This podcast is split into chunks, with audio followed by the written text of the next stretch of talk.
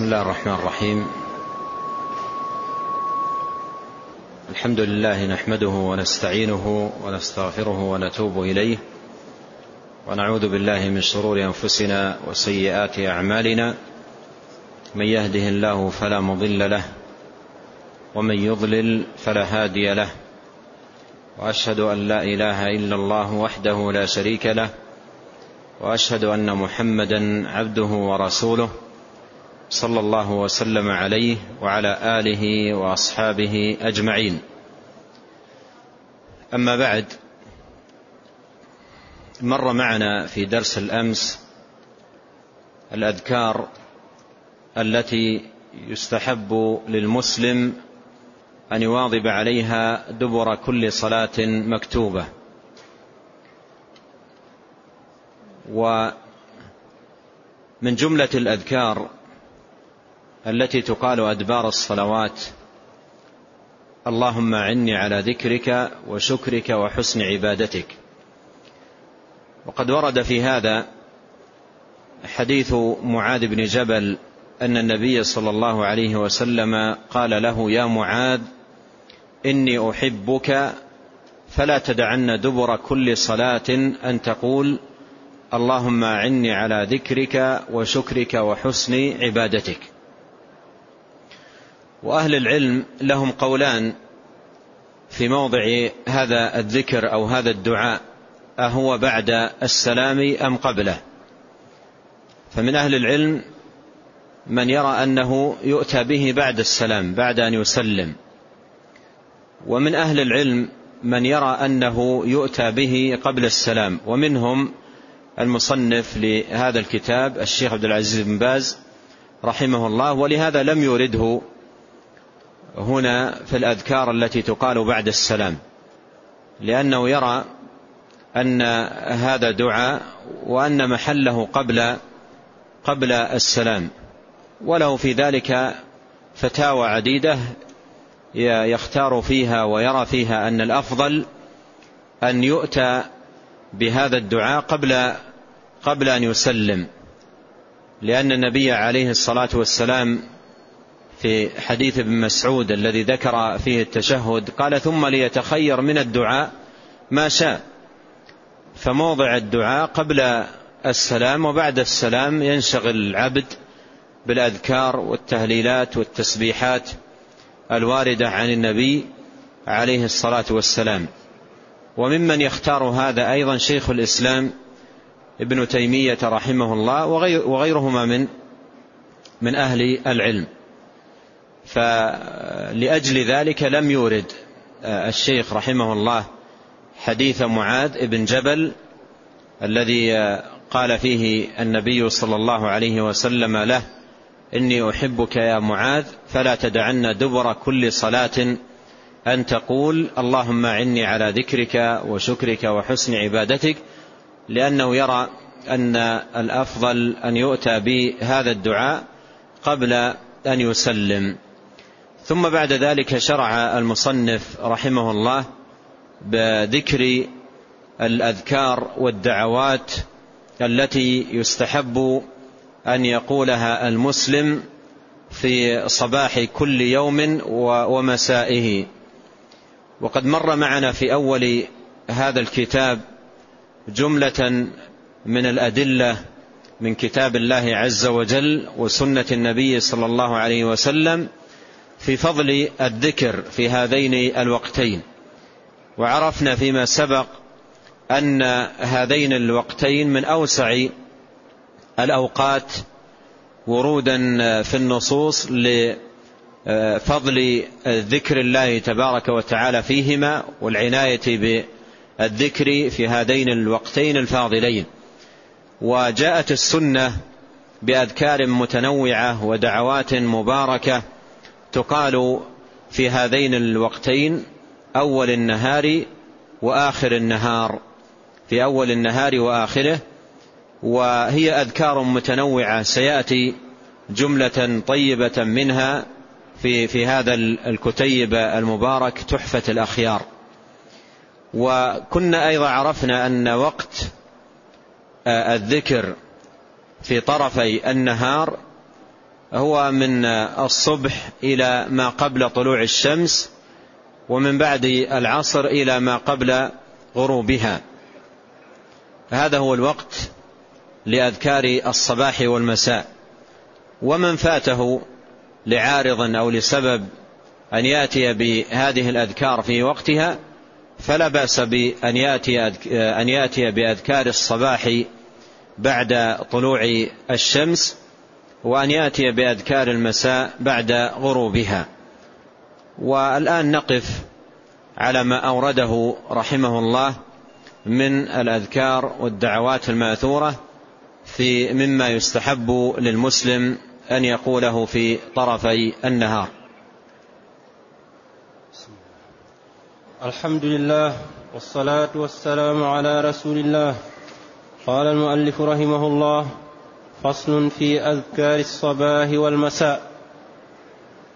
عن أبي هريرة رضي الله عنه عن النبي صلى الله عليه وسلم قال من قال حين يصبح وحين يمسي سبحان الله وبحمده مائة مرة لم يأت أحد يوم القيامة بأفضل مما جاء به إلا أحد قال ما قال أو زاد عليه.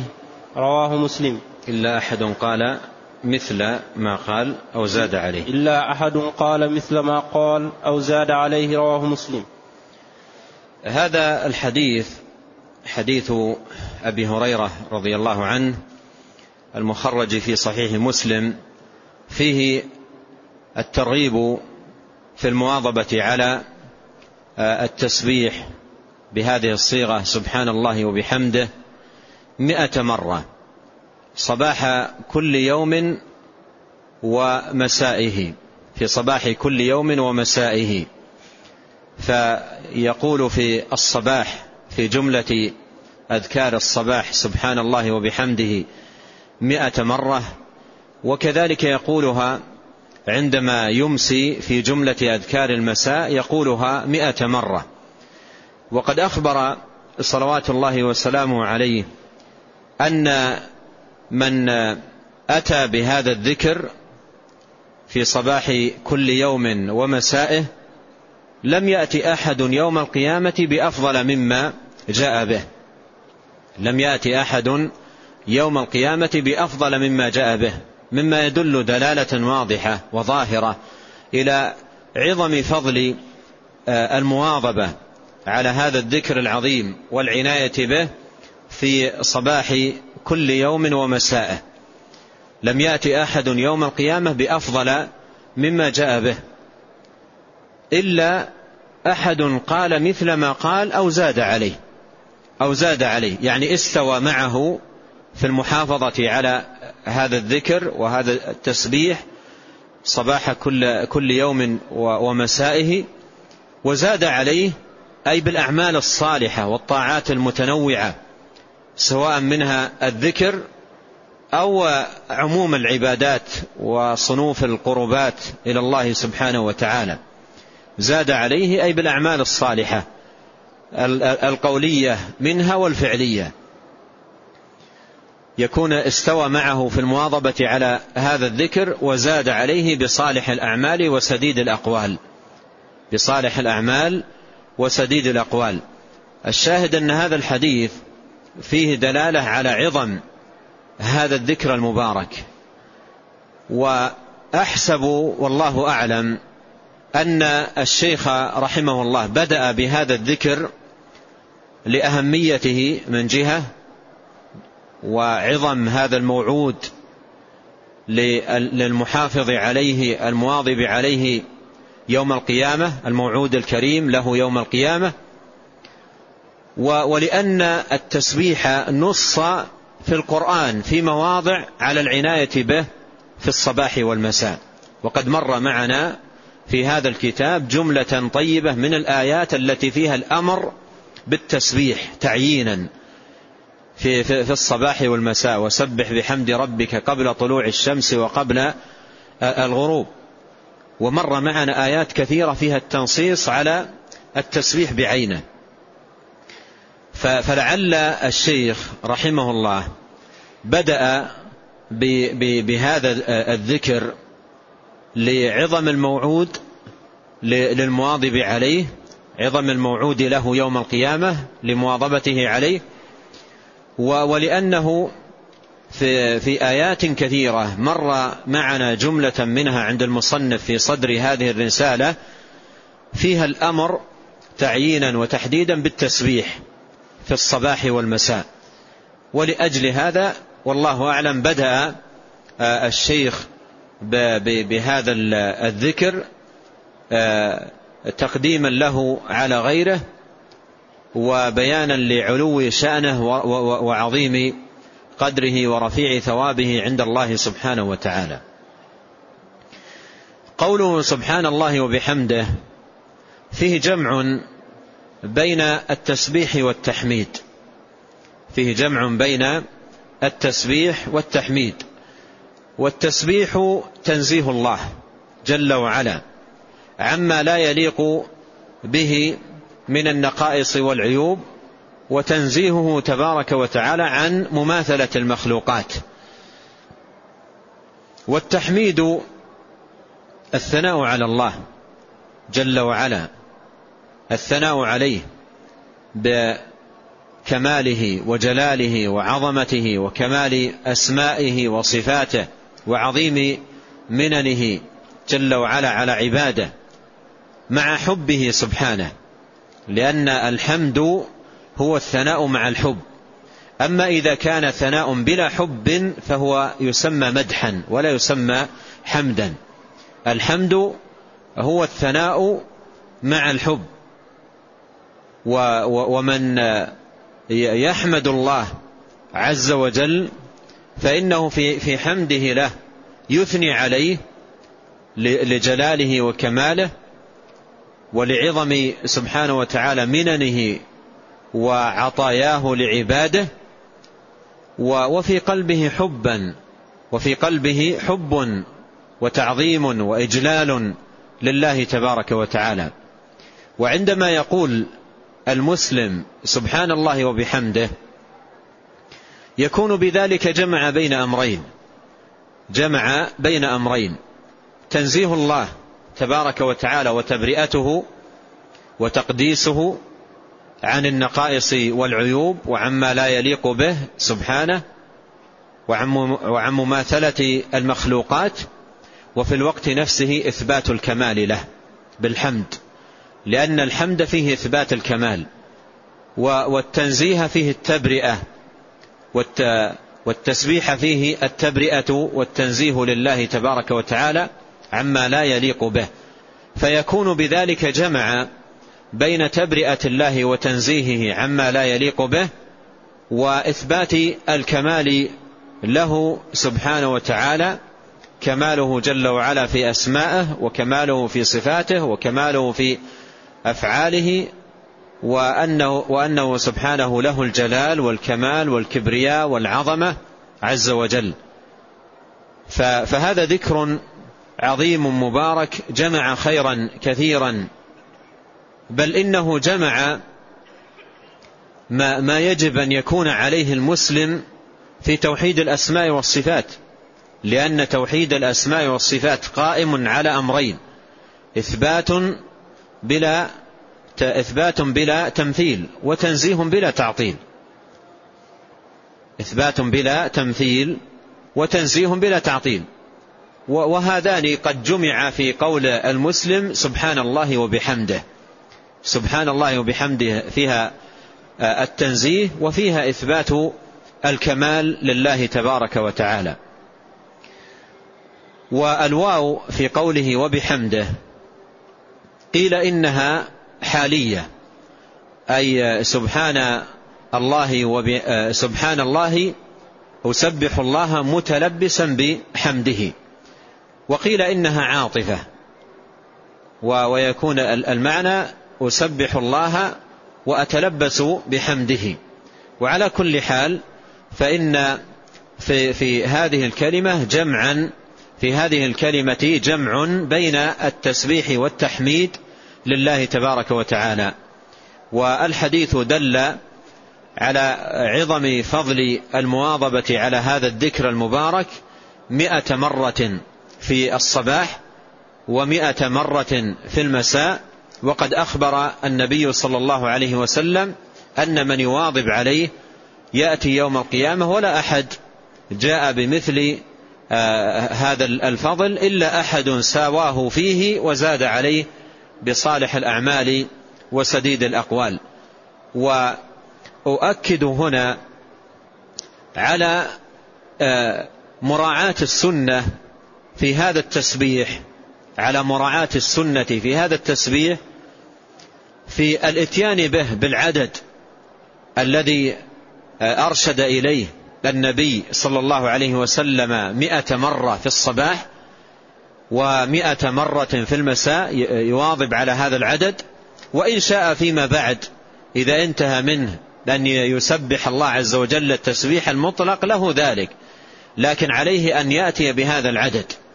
وعليه كذلك أن يأتسي بالنبي صلى الله عليه وسلم في عده لهذه التسبيحات بيمينه بيده لا بآلة ولا أيضا بسبحة ولا بحصى أو خرز أو نحو ذلك. لأن النبي عليه الصلاة والسلام كان يعد هذه التسبيحات بيده الشريفة صلوات الله وسلامه عليه. وخير الهدي هدي محمد صلى الله عليه وسلم. وهكذا كان الأمر في صحابته من بعده ومن تبعهم بإحسان. مع أنه في زمانه بل وقبل زمانه يوجد الخرز ويوجد النظم ويوجد الخيوط وكانوا أحرص الناس على الخير ومع ذلك ما عرف عنهم استخدام آه، مثل هذه آه، السبح. بل يقول عبد الله بن عمرو بن العاص آه، رضي الله عنهما كما في سنن أبي داود وغيره يقول رأيت رسول الله صلى الله عليه وسلم يعقد التسبيح بيمينه. وفي رواية يعقد التسبيح بيده. فالذي ينبغي على المسلم أن يواظب على هذه التسبيحات وأن يكون في فعله لها مقتديا بالنبي عليه الصلاة والسلام. مثل ما قال ابن مسعود رضي الله عنه يقول إنا نقتدي ولا نبتدي ولن نضل ما تمسكنا بالأثر إنا نقتدي أي بالرسول عليه الصلاة والسلام ولا نبتدئ شيئا من أنفسنا. وإذا علمنا حرصه عليه الصلاة والسلام وحرص صحابته من بعده على العناية بالذكر والعناية بهذه الأعداد وأيضا عدم اشتغالهم بمثل هذه الخرزات أو الآلات التي استجدت في زماننا. يتبين للإنسان أن الخير كله في ترك هذه الأشياء والتمسك بما كان عليه نبينا صلوات الله وسلامه عليه. وفي هذا الباب يستجد على الناس أشياء كثيرة. أذكر من سنوات ليست طويلة كان أحدهم معه آلة تشتغل بشاحن أو ببطارية. وإذا وصل إلى إلى مئة ضربت جرس تنبيه يعني يضغط عليها ويكرر الضغط فإذا بلغت المئة آه، يصدر صوت آه، تنبيه. وكان هذا الصوت مؤذيا. أذكر المصلين في المسجد كانوا يتكررون عليه يرجونه ألا يؤذيهم بهذا الجرس المنبه الذي يشعره بأنه أكمل مئة تسبيحة أو أكمل مئة تحميدة. وأيضا بعضهم يستخدم آلة آه، يكبس عليها باليد ولها آه، في في كل كبسة صوت يؤذي من حوله يؤذي من حوله بهذا الصوت.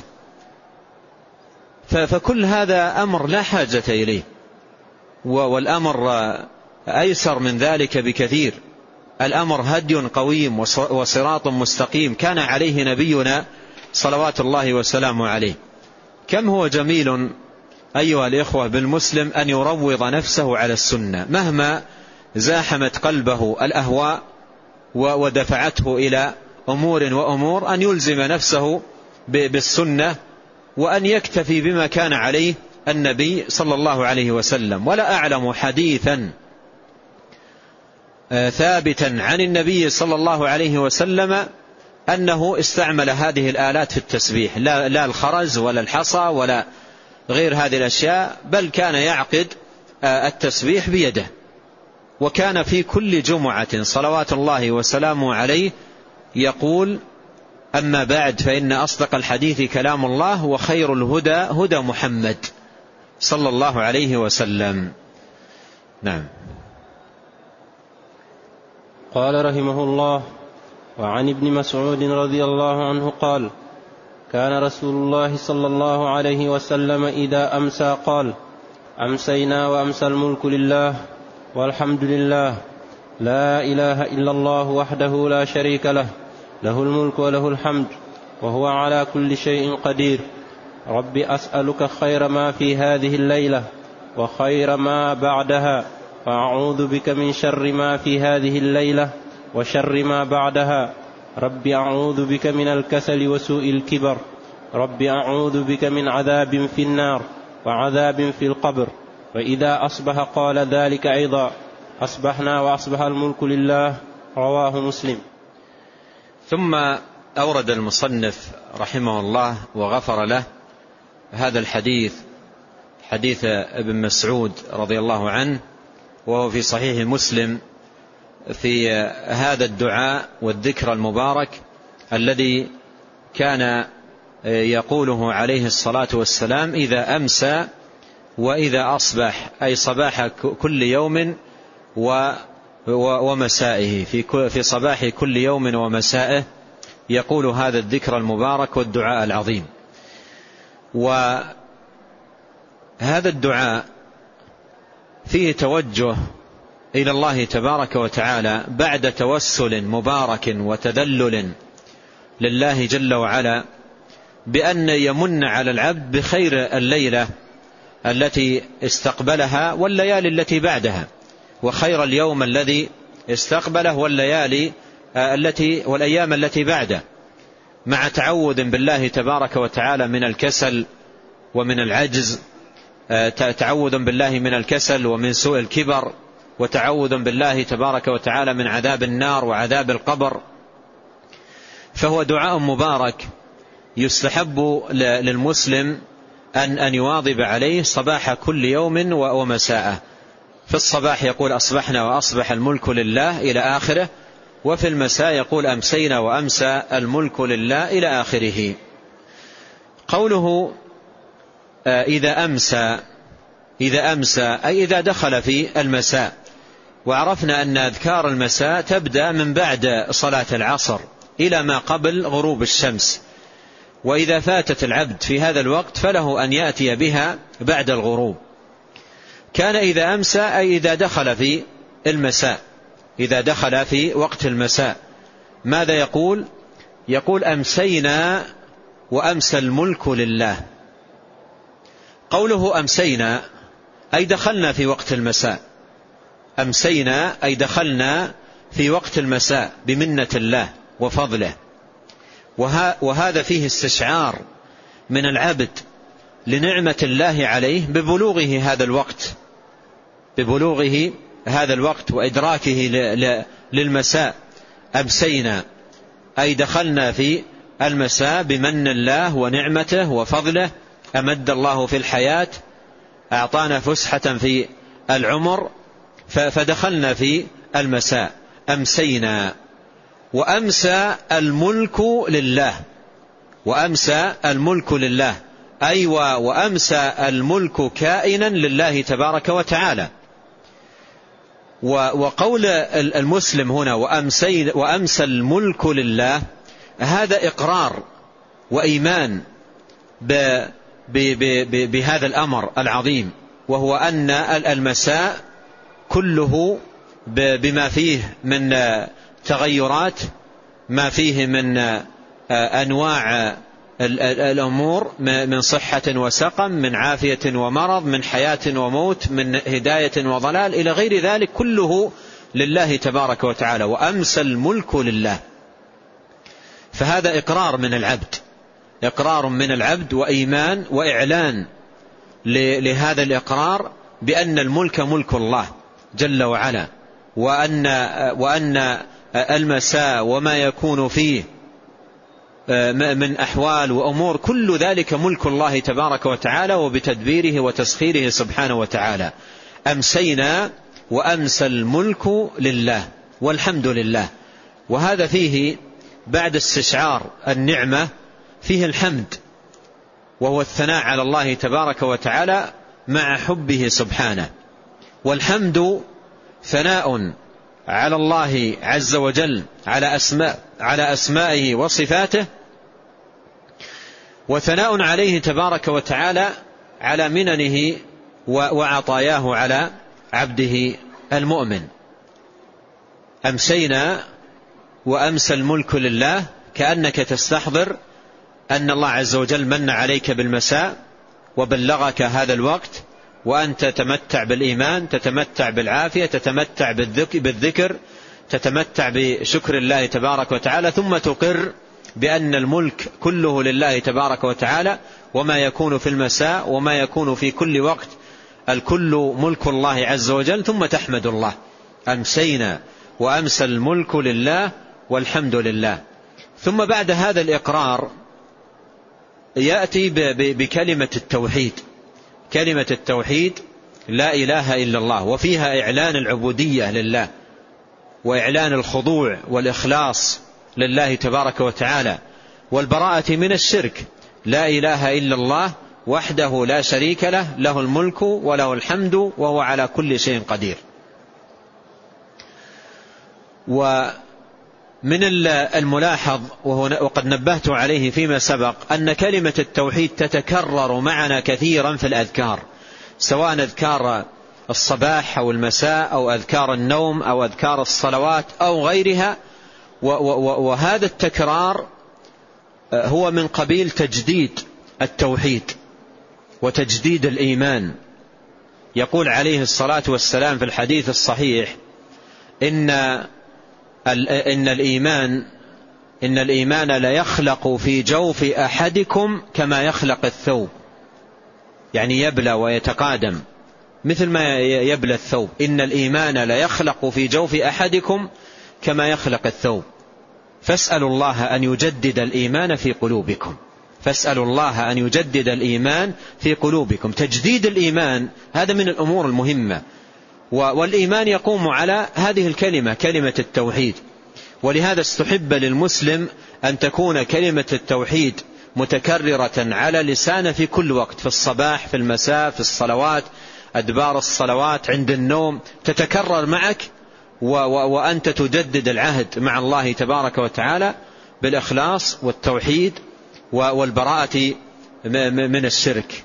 لا إله إلا الله معناها لا معبود حق إلا الله وهي مشتملة على ركنين النفي والإثبات ولعظم هذين الركنين ولكون التوحيد قائما عليهما أكد في هذا الذكر المبارك بقوله وحده لا شريك له. فقوله وحده فيه تأكيد للإثبات وقوله لا شريك له فيه تأكيد للنفي. قال له الملك وله الحمد وهو على كل شيء قدير. عرفنا فيما سبق أن التوحيد نوعان توحيد علمي وتوحيد عملي. قوله لا إله إلا الله وحده لا شريك له هذا التوحيد العملي.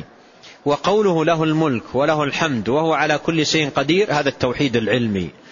والتوحيد العلمي برهان على التوحيد العملي لأن علمك بأن الملك كله لله وأن الحمد كله لله وأن الله سبحانه وتعالى على كل شيء قدير هذا العلم يستوجب إخلاص الدين لله والبراءة من الشرك وأن تفرد الله تبارك وتعالى وحده بالعبادة وأن تخصه بالطاعة.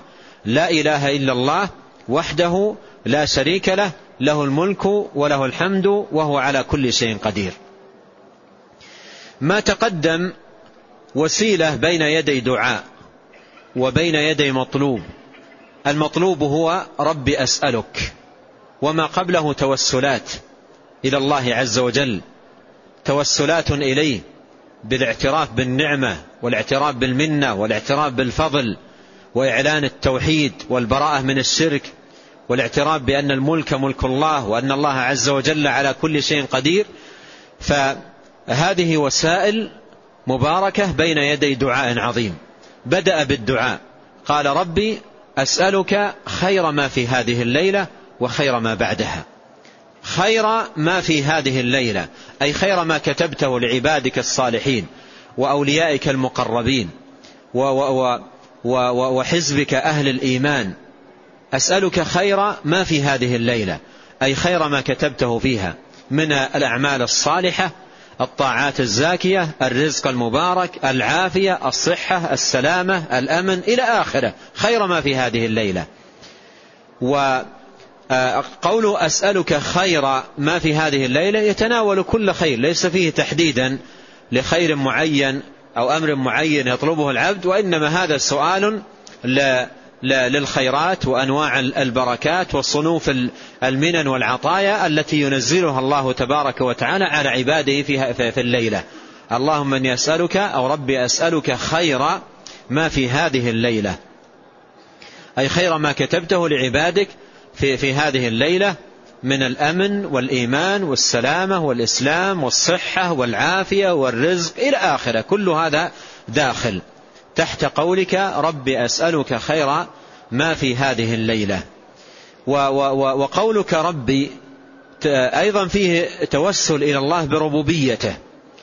وعرفنا أيضا فيما سبق أن ربوبية الله سبحانه وتعالى لخلقه نوعان. ربوبية عامة بالخلق والرزق والملك والتدبير والتسخير إلى آخره وربوبية خاصة بالتربية على الإيمان.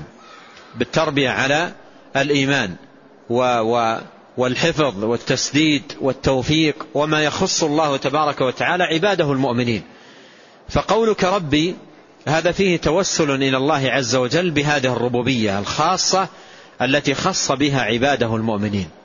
ربي أسألك خير ما في هذه الليلة وخير ما بعدها أي خير ما بعدها من الليالي القادمة. والأيام القادمة. ربي أسألك خير ما في هذه الليلة التي أستقبلها الآن. وأسألك أيضا خير ما بعدها من من الليالي والأيام. ربي أسألك خير ما في هذه الليلة وخير ما بعدها. وأعوذ بك من شر ما في هذه الليلة. وأعوذ بك من شر ما في هذه الليلة. أي من الشر الذي ينزل والبلاء والمصائب والفتن وأنواع الأمور التي يخشى منها العبد فهو يتعوذ بالله من ذلك كله. أعوذ بك من شر ما في هذه الليلة أي من كل شر كائن أو صائر أو واقع في, في هذه الليلة أستعيذ بك منه. والتعوذ التجاء إلى الله عز وجل وهروب من شيء يخافه العبد ويخشاه إلى من يقيه ويحميه ويعتصم به منه. ولا مفر إلا إلى الله سبحانه وتعالى. كما قال الله جل وعلا ففروا إلى الله. ففروا إلى الله. فالعبد هنا يلجأ إلى الله ويعتصم به ويحتمي بحماه ويستعيذ به سبحانه وتعالى أن يقيه من الشرور التي آه، تقع في, في, في, في, في الليلة آه، في هذه الليلة التي هو يستقبلها وكذلك الليالي القادمة. وكذلك الليالي القادمة. وأعوذ بك من شر ما, ما, ما في هذه الليلة وشر ما بعدها. جاء في الحديث أن النبي عليه الصلاة والسلام قال قال ليلة من من الليالي لأصحابه آه، سبحان الله. ماذا أنزل الله من آه، في, في هذه الليلة من الفتن؟ ماذا أنزل الله في هذه الليلة من الفتن؟ من يوقظ صواحب الحجرات يصلين. من يوقظ صواحب الحجرات يصلين. فقد ينزل فتن في الليلة قد ينزل أسقام قد ينزل أمور فالعبد يلتجئ إلى الله جل وعلا ويستعيذ به ويحتمي بحماه ويعتصم به ويلتجئ إليه سبحانه وتعالى أن يعيذه وأن يحميه من كل شر واقع أو كائن أو صائر في هذه الليلة وفي الليالي التي بعدها. قال وأعوذ بك من شر ما في هذه الليلة وشر ما بعدها. ربي أعوذ بك من الكسل وسوء الكبر. ربي أعوذ بك من الكسل. الكسل هو عدم نهوض همة العبد لفعل الشيء الذي فيه الخير له والسعادة والربح والغنيمة مع قدرته عليه مع قدرته عليه. يعني لا تنهض همته للقيام بالأمر الذي فيه الخير له والسعادة مع قدرته عليه. أما مع عدم القدرة يسمى ماذا؟ عدم النهوض مع عدم القدرة يسمى عجزا يسمى عجزا. والعبد لا يلام فيما يعجز عنه وما لا يقدر عليه. ولكن اللوم في الكسل والخمول والفتور تجد العبد عنده قدرة عنده قدرة وعنده نشاط وعنده صحة وعنده عافية ولكنه كسول خامل آه، همته فاترة لا, لا ينشط لا للقيام بالعبادة لا ينشط للقيام بالطاعة فيه فتور وفيه كسل مع القدرة. أما إذا كان غير قادر عاجز فإنه لا, لا يلام على عجزه. لا يلام على عجزه. لكن إذا كان عنده, عنده قدرة وعنده صحة ولكنه معوق عن عن الطاعة ومعوق عن عن العمل ومعوق عن العبادة فهذا هو البلاء. هذا هو البلاء أن تجد عنده قدرة وصحة وعافية ولكنه معوق. أذكر يا أخوان أن شخصا من آه، من الدول الآسيوية أعطاني درسا في هذا المسجد وأنا صغير لا أنساه في حياتي. أعطاني درسا في معنى الإعاقة. و و و وكنت صغير السن لكنني لا أنسى هذا الدرس في حياته مع أنه لم يتكلم معي ولم أتكلم معه. أعطاني درسا بما رأيته منه من حاله. في في صلاة التهجد في صلاة التهجد في العشر الأواخر من رمضان مرة صلى أمامي وكان قبل وقت يصلى في التهجد في في في في في في, في العشر الأواخر من رمضان يصلى بمدة طويلة جدا. يقرأ في في في, في التسليمة الواحدة جزءا كاملا من القرآن. في التسليمة الواحدة يقرأ جزءا كاملا يعني في, في الركعة نصف جزء. فصلى أمامي هذا الرجل وكان جاء بعكازتين لأن رجله اليمنى أو اليسرى لا أذكر الآن مقطوعة من عند الركبة. مقطوعة من عند الركبة وكان جاء بمغازل أو عكازتين يتكئ عليهما في عضده وجاء وصادف ليلة من الليالي أن كان قد صلى أمامي تماما. وإحدى رجليه فاقد لإحدى الرجلين من الركبة. ثم ظننت أنه سيصلي جالس ثم أيضا ظننت أنه سيصلي بالعكازتين. فقام آه، معتمدا على يديه تاركا العكازتين في الأرض وقام على قدم واحدة. هذا أنا رأيته بنفسي أمامي. قام على قدم واحدة بدون بدون عصا وبدون آه، شيء يتكئ عليه. على قدم واحدة واقف يصلي وإحدى رجليها مفقودة. ثم آه، جزء كامل الركعة. الركعة جزء كامل. فحقيقة آه، كنت أنظر إلى هذا الرجل وعرفت أن الإعاقة ليست هذه وأن هذا الرجل ليس معوقا. ربما ننظر إليه ونرحمه ونقول رجل معاق. لكن المعاق من جسمه صحيح ومن هو في عافية ومن هو ممتع بالأعضاء والصحة والعافية ولكنه معاق ما يستطيع أن يذهب للمسجد ليصلي. ما يستطيع أن يذهب. هذا المعاق. هذا المعاق. أما رجل آه، فاقد لبعض الأطراف ولكن همته عالية في العبادة وهمة عالية في الطاعة هذا في الحقيقة ليس معاق. ولهذا مفهوم الإعاقة ربما أنها منعكسة عندنا. والله جل وعلا يقول في القرآن قد يعلم الله المعوقين منكم فهناك معاق وهناك معوق. المعاق من أعاقته نفسه عن طاعة الله. والمعوق من يعيق الناس عن طاعة الله تبارك وتعالى. أما أن يكون الإنسان فاقد لبصر أو فاقد ليد أو فاقد لقدم أو فاقد لبعض أعضائه وهو همة عالية في العبادة هذا ليس معاقا. ربما إذا رأيناه رحمناه وقلنا رجل معاق مسكين فاقد لقدمه لكن المسكين الذي عنده الأعضاء وعنده الصحة وممتع بالعافية ولكنه معاق عن طاعة الله سبحانه وتعالى. تجد الناس مقبلين على الخير مقبلين على العبادة وهو بصحة عافية ولكن صحته وعافيته ضائعة في الحرام. صحته وعافيته ضائعة في الحرام ضائعة في الآثام ضائعة في أقل تقدير في المباح. لكنه مضيع ربما للفرائض ومضيع أيضا للنوافل التي يعلو بها شأنه ويرتفع بها قدره عند الله تبارك وتعالى. قال ربي أعوذ بك ما ما أعوذ بك من الكسل. نعم ينبغي علينا أن نكثر من التعوذ بالله من الكسل لأن إذا وجد فينا الكسل فالهمة فاترة والعزم ضعيف ولا ينشط الإنسان ليقوم بالخيرات والطاعات والعبادات التي تقرب إلى الله سبحانه وتعالى. إذا كم هو جميل أن يكون منا هذا الدعاء في صباح كل يوم ومساء نتجه إلى الله تبارك وتعالى بصدق أن يعيدنا من الكسل. نقول ذلك في صباح كل يوم ومساء. ربي أعوذ بك من الكسل وسوء الكبر. سوء الكبر أي ما يلحق الإنسان من الأمور التي تسوءه في كبره.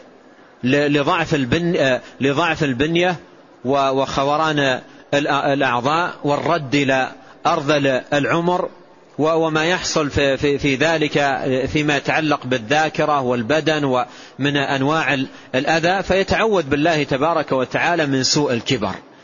يتعوذ بالله من سوء الكبر. وهو في, في هذا التعوذ يسأل الله تبارك وتعالى أن يمتعه أن يمتعه بكبر على طاعة الله. بكبر على طاعة الله. بكبر على عبادة الله. بكبر على آه، حسن الالتجاء إلى الله. أن يكون ممن قال فيهم عليه الصلاة والسلام خيركم من طال عمره وحسن عمله. لا أن يكون كبره في, في, في مثلا فساد في العقل وخرف في, في, في أمور باطلة وأشياء يعني آه، تؤذيه وتؤذي من حوله. بعض الناس نسأل الله عز وجل السلامة والعافية. ربما يكون خرف في سوء خرف في كبره في, في كلام بذيء ربما يكون خرف في كبره في كلام بذيء وألفاظ سيئة وكلمات نابية. يعني أحدث أن بعض بعض بعض الأبناء في في في في أوقات الزيارة لا يمكن من زيارة كبير سنه لا يمكن من زيارة الكبير في السن الذي عنده لا يمكن أحدا من زيارته لأنه ما يحب أن تسمع الكلمات التي تصدر منه. بينما آخرون ربما أيضا يصيبه هذا لكنه لاهج بماذا؟ بذكر الله بالحمد بتلاوة القرآن بالصلاة بالسؤال عن الصلاة أصل الناس فرق بين هذا وهذا. ولهذا يحتاج العبد أن يلح على الله تبارك وتعالى أن يجعل كبره على خير. أن يجعل كبره على خير وأن يجعل خواتيمه على خير وأن يجعل إن حصل له شيء في الكبر أن يجعله على خير. ولهذا كم هو جميل أن يستمر هذا التعوذ في صباح كل يوم ومساءه بالله تبارك وتعالى من سوء الكبر. من سوء الكبر. يتعوذ بالله تبارك وتعالى. إن, إن, إن, إن أمد الله في عمره وأطال في عمره يتعوذ بالله تبارك وتعالى من سوء الكبر أي ما يحصل في, في الكبر من الأمور التي تسوء الإنسان أن تكون منه. فهذا تعوذ مبارك يحسن بالمسلم أن, أن, أن يواظب عليه. ومثله وأعوذ بك من أن أرد إلى أرذل العمر وما يكون في, في, في ذلك من الأمور التي تسوء الإنسان قال ربي أعوذ بك من الكسل وسوء الكبر. ربي أعوذ بك من عذاب في النار وعذاب في القبر. عذاب النار وعذاب القبر هما من جملة الأعذبة التي أو العذابات التي تكون يوم القيامة. خص بالذكر لأنهما أشد ما يكون.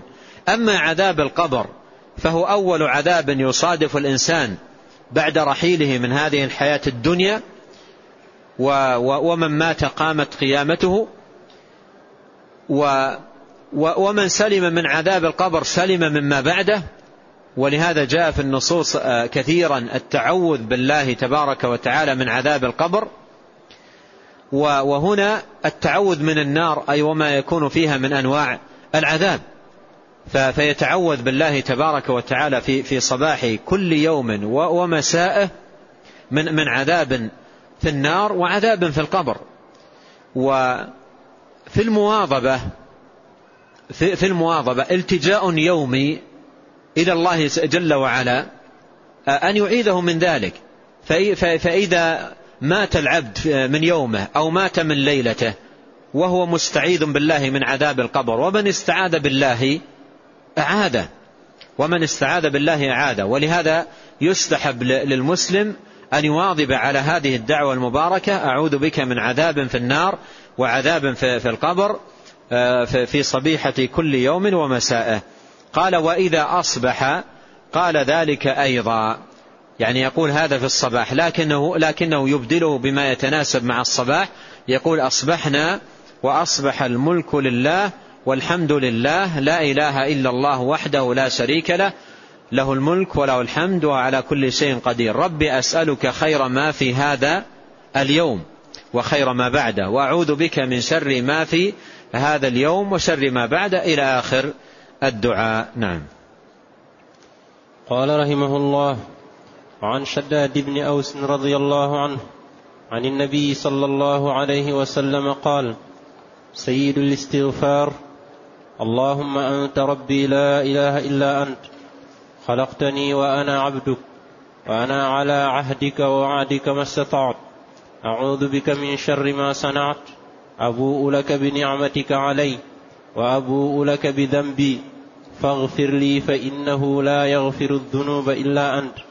قال ومن قالها من النهار موقنا بها فمات من يومه قبل أن يمسي فهو من أهل الجنة.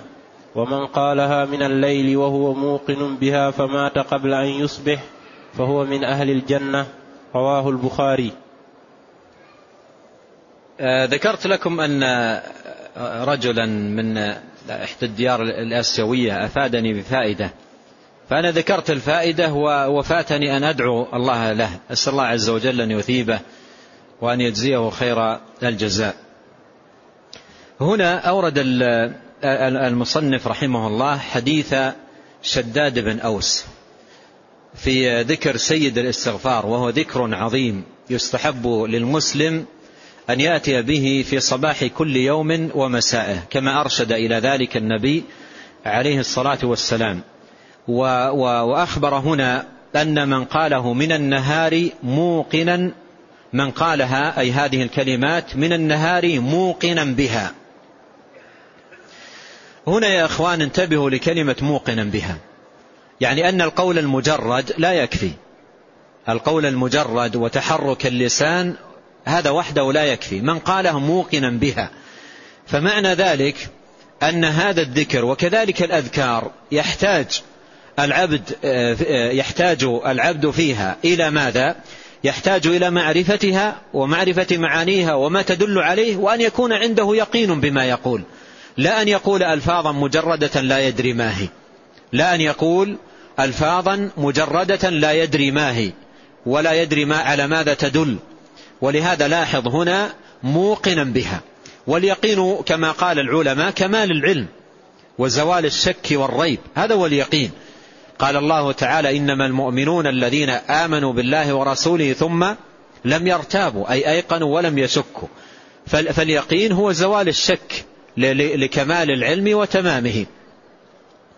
فلا يكفي ألفاظ مجردة لا يدري الإنسان ما هي وإنما المطلوب في, الذكر أن يجتهد العبد في استحضار معناه ومعرفة مدلوله وتحقيق اليقين بما يدل عليه الذكر من التوحيد والإخلاص والإيمان والإذعان والخضوع وقوة الالتجاء والتوكل على الله تبارك وتعالى إلى غير ذلك من المعاني.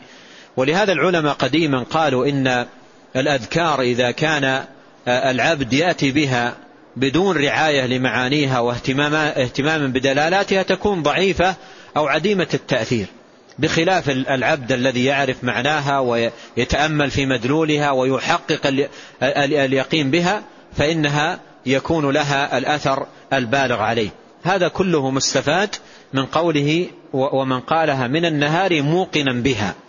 فمات من يومه قبل أن يمسي فهو من أهل الجنة. فهو من أهل الجنة. ومن قالها من الليل وهو موقن بها فمات قبل أن يصبح فهو من أهل الجنة. وأما الكلام على معنى هذا الذكر ومدلولاته فقد مر معنا قريبا. نعم. وعن عبد الله بن خبيب قال خرجنا في ليل قال المؤلف رحمه الله وعن عبد الله بن خبيب قال خرجنا في ليلة مطر وظلمة شديدة نطلب نبي صلى الله عليه وسلم ليصلي لنا. فأدركناه فقال قل. فلم أقل شيئا ثم قال قل. فلم أقل شيئا ثم قال قل. فقلت يا رسول الله ماذا ما أقول؟ قال قل, قل هو الله أحد والمعوذتين حين, حين تمسي وحين تصبح ثلاث مرات تكفيك من كل شيء. رواه أبو داود والترمذي والنسائي بإسناد حسن. ثم أورد رحمه الله حديث عبد الله بن خبيب رضي الله عنه في استحباب قراءة قل هو الله أحد والمعوذتين ثلاث مرات في صباح كل يوم ومسائه وأن من واظب عليها فإنها تكفي بإذن الله من كل شيء. أي تكون حفظا للعبد وحرزا وحافظا بإذن الله تبارك وتعالى من أن يناله شيء أو يضره شيء بتوفيق من الله عز وجل. وفي الحديث يقول عبد الله بن خبيب خرجنا في ليلة, في ليلة مطر وظلمة شديدة. نطلب النبي صلى الله عليه وسلم ليصلي لنا. قوله ليصلي لنا أي ليصلي بنا. ليصلي بنا. فأدركناه. أدركناه. فقال قل. فلم أقل شيئا. ثم قال قل. فلم أقل شيئا. ثم قال قل. قلت يا رسول الله ما أقول. هنا هذا له نظائر كثيرة مر الإشارة إلى إلى بعضها. أسلوب مبارك هو من كمال نصح النبي عليه الصلاة والسلام وحسن تعليمه وشدة تشويقه وجذبه للقلوب للخير وللفائدة. وهي طريقة مباركة تتكرر كثيرا في أحاديث النبي عليه الصلاة والسلام وهو من كمال حرصه صلى الله عليه وسلم. قال قل قل فلم أقل شيئا. قال قل فلم أقل شيئا. قال قل قلت ما أقول يا رسول الله؟ الآن حصل عند عبد الله بن خبيب رضي الله عنه ماذا؟ أرأيتم الآن لو, لو كان من بداية الأمر قال له النبي عليه الصلاة والسلام قل هو الله أحد والمعوذتين اقرأهما إلى آخره. هل وقع هذا البيان مثل الطريقة التي الآن حصلت؟ أبدا. فهذه فيها شد وفيها تشويق وفيها تهيئة للنفوس. وكل ذلك من كمال الحرص والنصح في البيان والدلالة على الخير. قال قل فلم أقل شيئا قال قل فلم أقل شيئا قال قل قلت يا رسول الله ما أقول؟ الآن حصل عنده اشتياق كامل وتهيؤ تام ليسمع الفائدة. قال قل هو الله أحد والمعوذتين حين تمسي وحين تصبح. أي في صباح كل يوم ومسائه ثلاث مرات أي تقولها ثلاث مرات في الصباح وثلاث مرات في المساء ثم ذكر الثواب الذي يترتب على ذلك والخير الذي يترتب على ذلك. قال تكفيك من كل شيء. تكفيك من كل شيء. أي تكون حرزا وحفظا لك من الشرور والآفات من الشياطين من الأضرار إلى غير ذلك تكفيك من كل شيء. وهنا ينبغي على على العبد عندما يأتي بهذه الآيات أو بهذه السور وغيرها من الأذكار أن يأتي بها مع الثقة بالله تبارك وتعالى. بعض الناس يأتي بها على وجه التجربة وعلى وجه غير يعني على غير اطمئنان أو على غير ثقة. وليس هذا حال المسلم الواثق بالله تبارك وتعالى بل ينبغي أن يقولها مع ثقة بالله وحسن توجه إلى الله عز وجل وصدق رغبة فيما عند الله عز وجل. فمن قرأها آه، هذه السور الثلاث ثلاث مرات في في في في الصباح وثلاث مرات في المساء تكفيه من كل شيء كما أخبر بذلك رسول الله صلى الله عليه وسلم. والسور الثلاث. الأولى وهي سورة الإخلاص فيها تعظيم الله عز وجل وذكر صفات كماله وعظمته وجلاله وإثبات الأسماء الحسنى له وتنزيهه تبارك وتعالى عما لا يليق به. ففيها صفة الله عز وجل. وأما السورتان الأخريان سورة الفلق وسورة الناس ففيها التعوذ بالله وحسن الالتجاء إليه والاعتصام به من الشرور شر الشياطين وشر الناس وشر كل ذي شر. يلتجئ إلى الله عز وجل أن يعيذه وأن يحميه من الشرور. وبالمناسبة هناك كتاب قيم لابن القيم رحمه الله في تفسير المعوذتين ضمنه كتاب بدائع الفوائد. حقيقة فيه درر وفوائد عظيمة جدا. ومن ضمن الفوائد التي ضمنها كتابه الاستعاذة ذكر رحمه الله عشرة أسباب للخلاص والسلامة من العين والسحر والحسد. عشرة أسباب عظيمة جدا.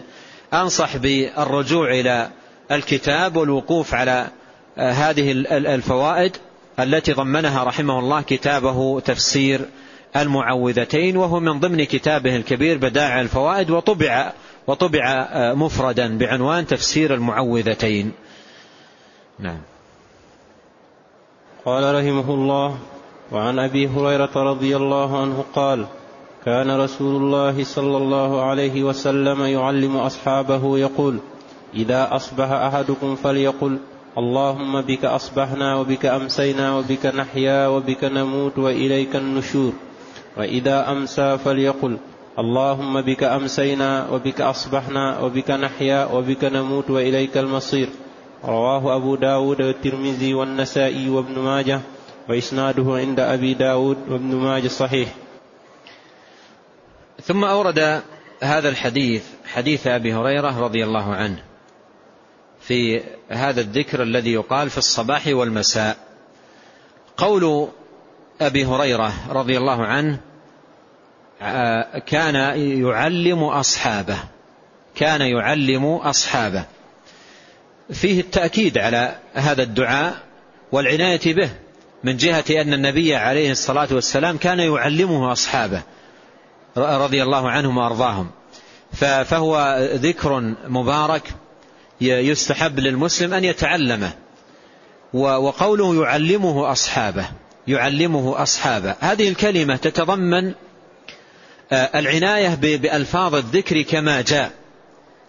ولهذا تجد في بعض الأذكار قال يعلمنا إياه كما يعلمنا السورة من القرآن.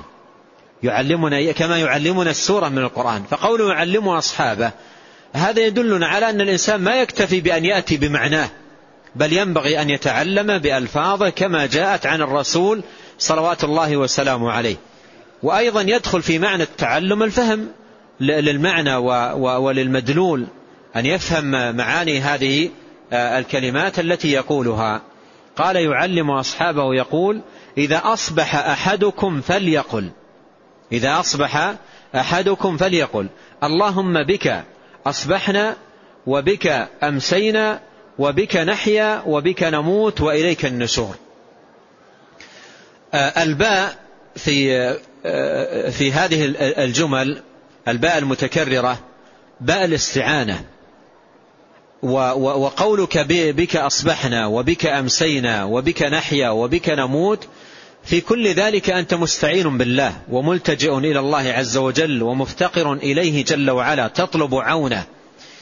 بك أصبحنا أي أدركنا الصباح ومننت, ومننت علينا به ويسرت لنا ويسرته لنا وأعنتنا عليه.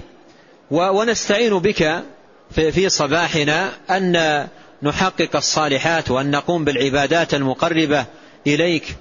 مستعينين بك ملتجئين إليك بك أصبحنا أي بمدك وعونك وتوفيقك وتسديدك بك أصبحنا وبك أمسينا. آه، وبك نحيا وبك نموت.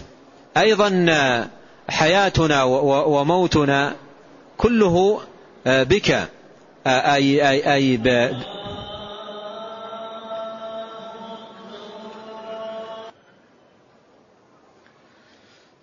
قوله اللهم بك أصبحنا وبك أمسينا وبك نحيا وبك نموت وإليك النشور هذا فيه التجاء العبد إلى الله عز وجل وإقراره بأن الأمور بيده وأن الأمر بتدبيره وتسخيره سبحانه وتعالى وأن العبد لا يملك من نفسه شيئا إلا ما يسره الله له ووفقه لفعله وأعانه على القيام به.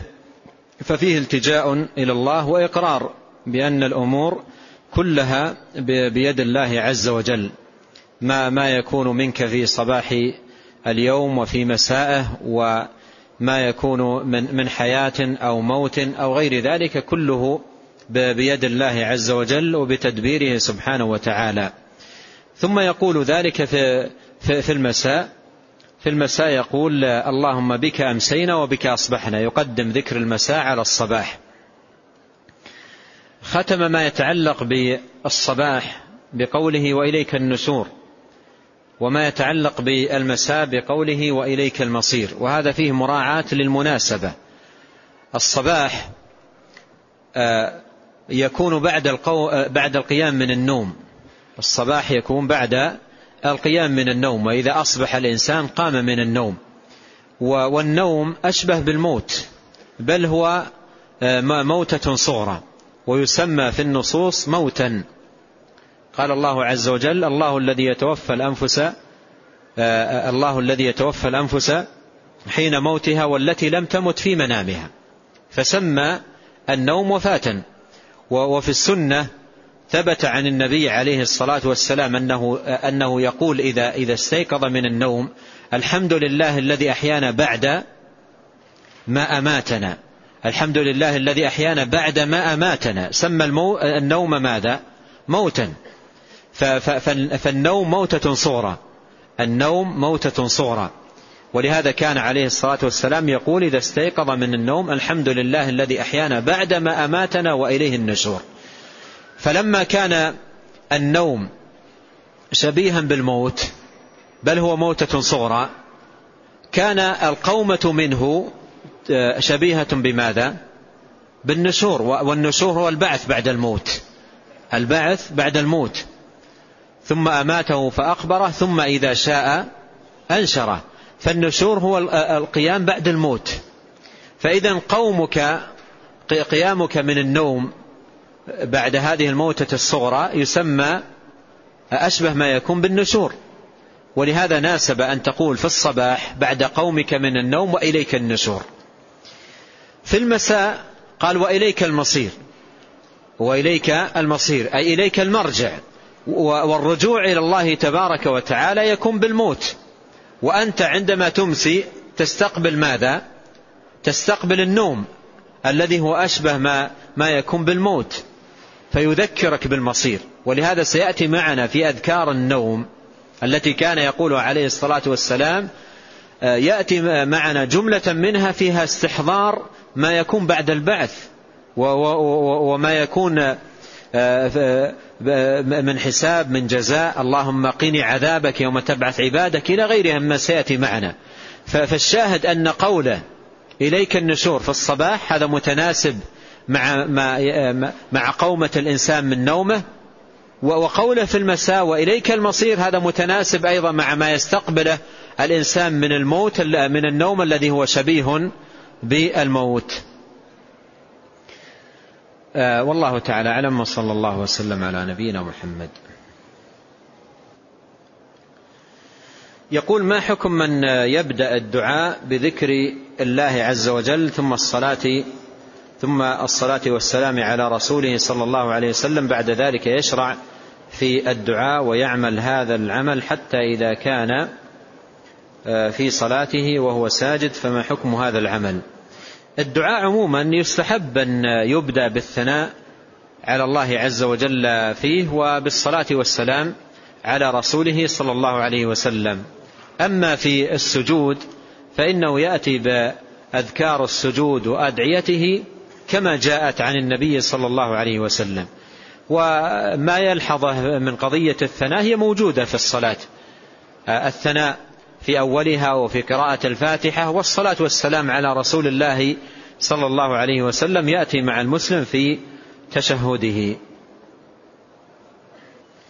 يقول هل ورد بعد الصلاة لا حول ولا قوة إلا بالله ثلاث مرات؟ وهل ورد طلب الجنة والتعوذ من النار وطلب حور العين ثلاث مرات؟ فيما يتعلق بلا حول ولا قوة إلا بالله وردت مرة واحدة في الحديث الذي مر معنا بالأمس مع التهليل. لا إله إلا الله وحده لا شريك له له الملك وله الحمد وعلى كل شيء قدير. ورد فيه لا حول ولا قوة إلا بالله. فهي تقال مرة واحدة في في التهليل كما جاءت عن النبي صلى الله, عليه وسلم. وهل ورد طلب الجنة والتعوذ من من النار وطلب الحور العين؟ ثلاث مرات لا أعرف حديثا معينا في في في ذلك. ولكن قصة الرجل الذي وهي ثابتة الرجل الذي قال للنبي عليه الصلاة والسلام أما إني لا أحسن دندنتك ولا دندنة معاذ. يعني لا أحسن أن أقول مثل الكلام الذي تقوله والكلام الذي يقوله معاذ. قال أما إني لا أحسن دندنتك ولا دندنة معاذ. قال فما تقول؟ قال أقول أعوذ بالله اللهم أني أسألك الجنة وأعوذ بك من النار. قال حولها ندندن. وعلى كل حال المسلم يستحب له أدبار الصلوات أن يأتي بالأذكار التي مرت معنا والثابتة عن النبي عليه الصلاة والسلام ولا بأس في, في, في بعض المرات إذا توجه إلى الله عز وجل بالدعاء سأل الله الجنة سأل الله الإعادة من النار من خيري الدنيا والآخرة لا بأس بذلك. وأفضل أحوال الدعاء في تمام الصلاة وقبل السلام كما قال صلى الله عليه وسلم ثم ليتخير من الدعاء ما شاء. هذا الأخ يقول متى يقال هذا الذكر اللهم من يسألك علما نافعا ورزقا طيبا وعملا متقبلا هل بعد صلاة الصبح مباشرة؟ أم بعد معقبات الصلاة؟ وهل يقال هذا الذكر أعوذ بكلمات الله التامات من شر ما خلق في الصبح والمساء أم في المساء فقط؟ فيما يتعلق بأعوذ بكلمات الله التامات سيأتي الحديث الوارد فيها والكلام عليها في حين إن شاء الله.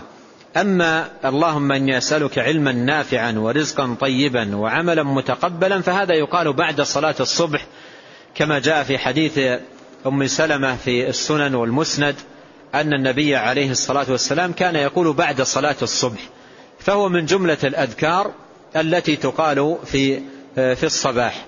وعرفنا بالأمس أن المبادرة إلى الاستغفار ثلاث مرات وإلى التهليل والأذكار التي تقال أدبار الصلوات ثم بعدها يأتي المسلم بأذكار طرفي النهار يأتي بأذكار الصباح. بعد التهليلات والأذكار المتعلقة بالصلاة يبدأ بعد ذلك بأذكار الصباح ومن جملتها هذا الدعاء العظيم المبارك اللهم إني أسألك علما نافعا ورزقا طيبا وعملا متقبلا. والله تعالى أعلم وصلى الله وسلم على نبينا محمد.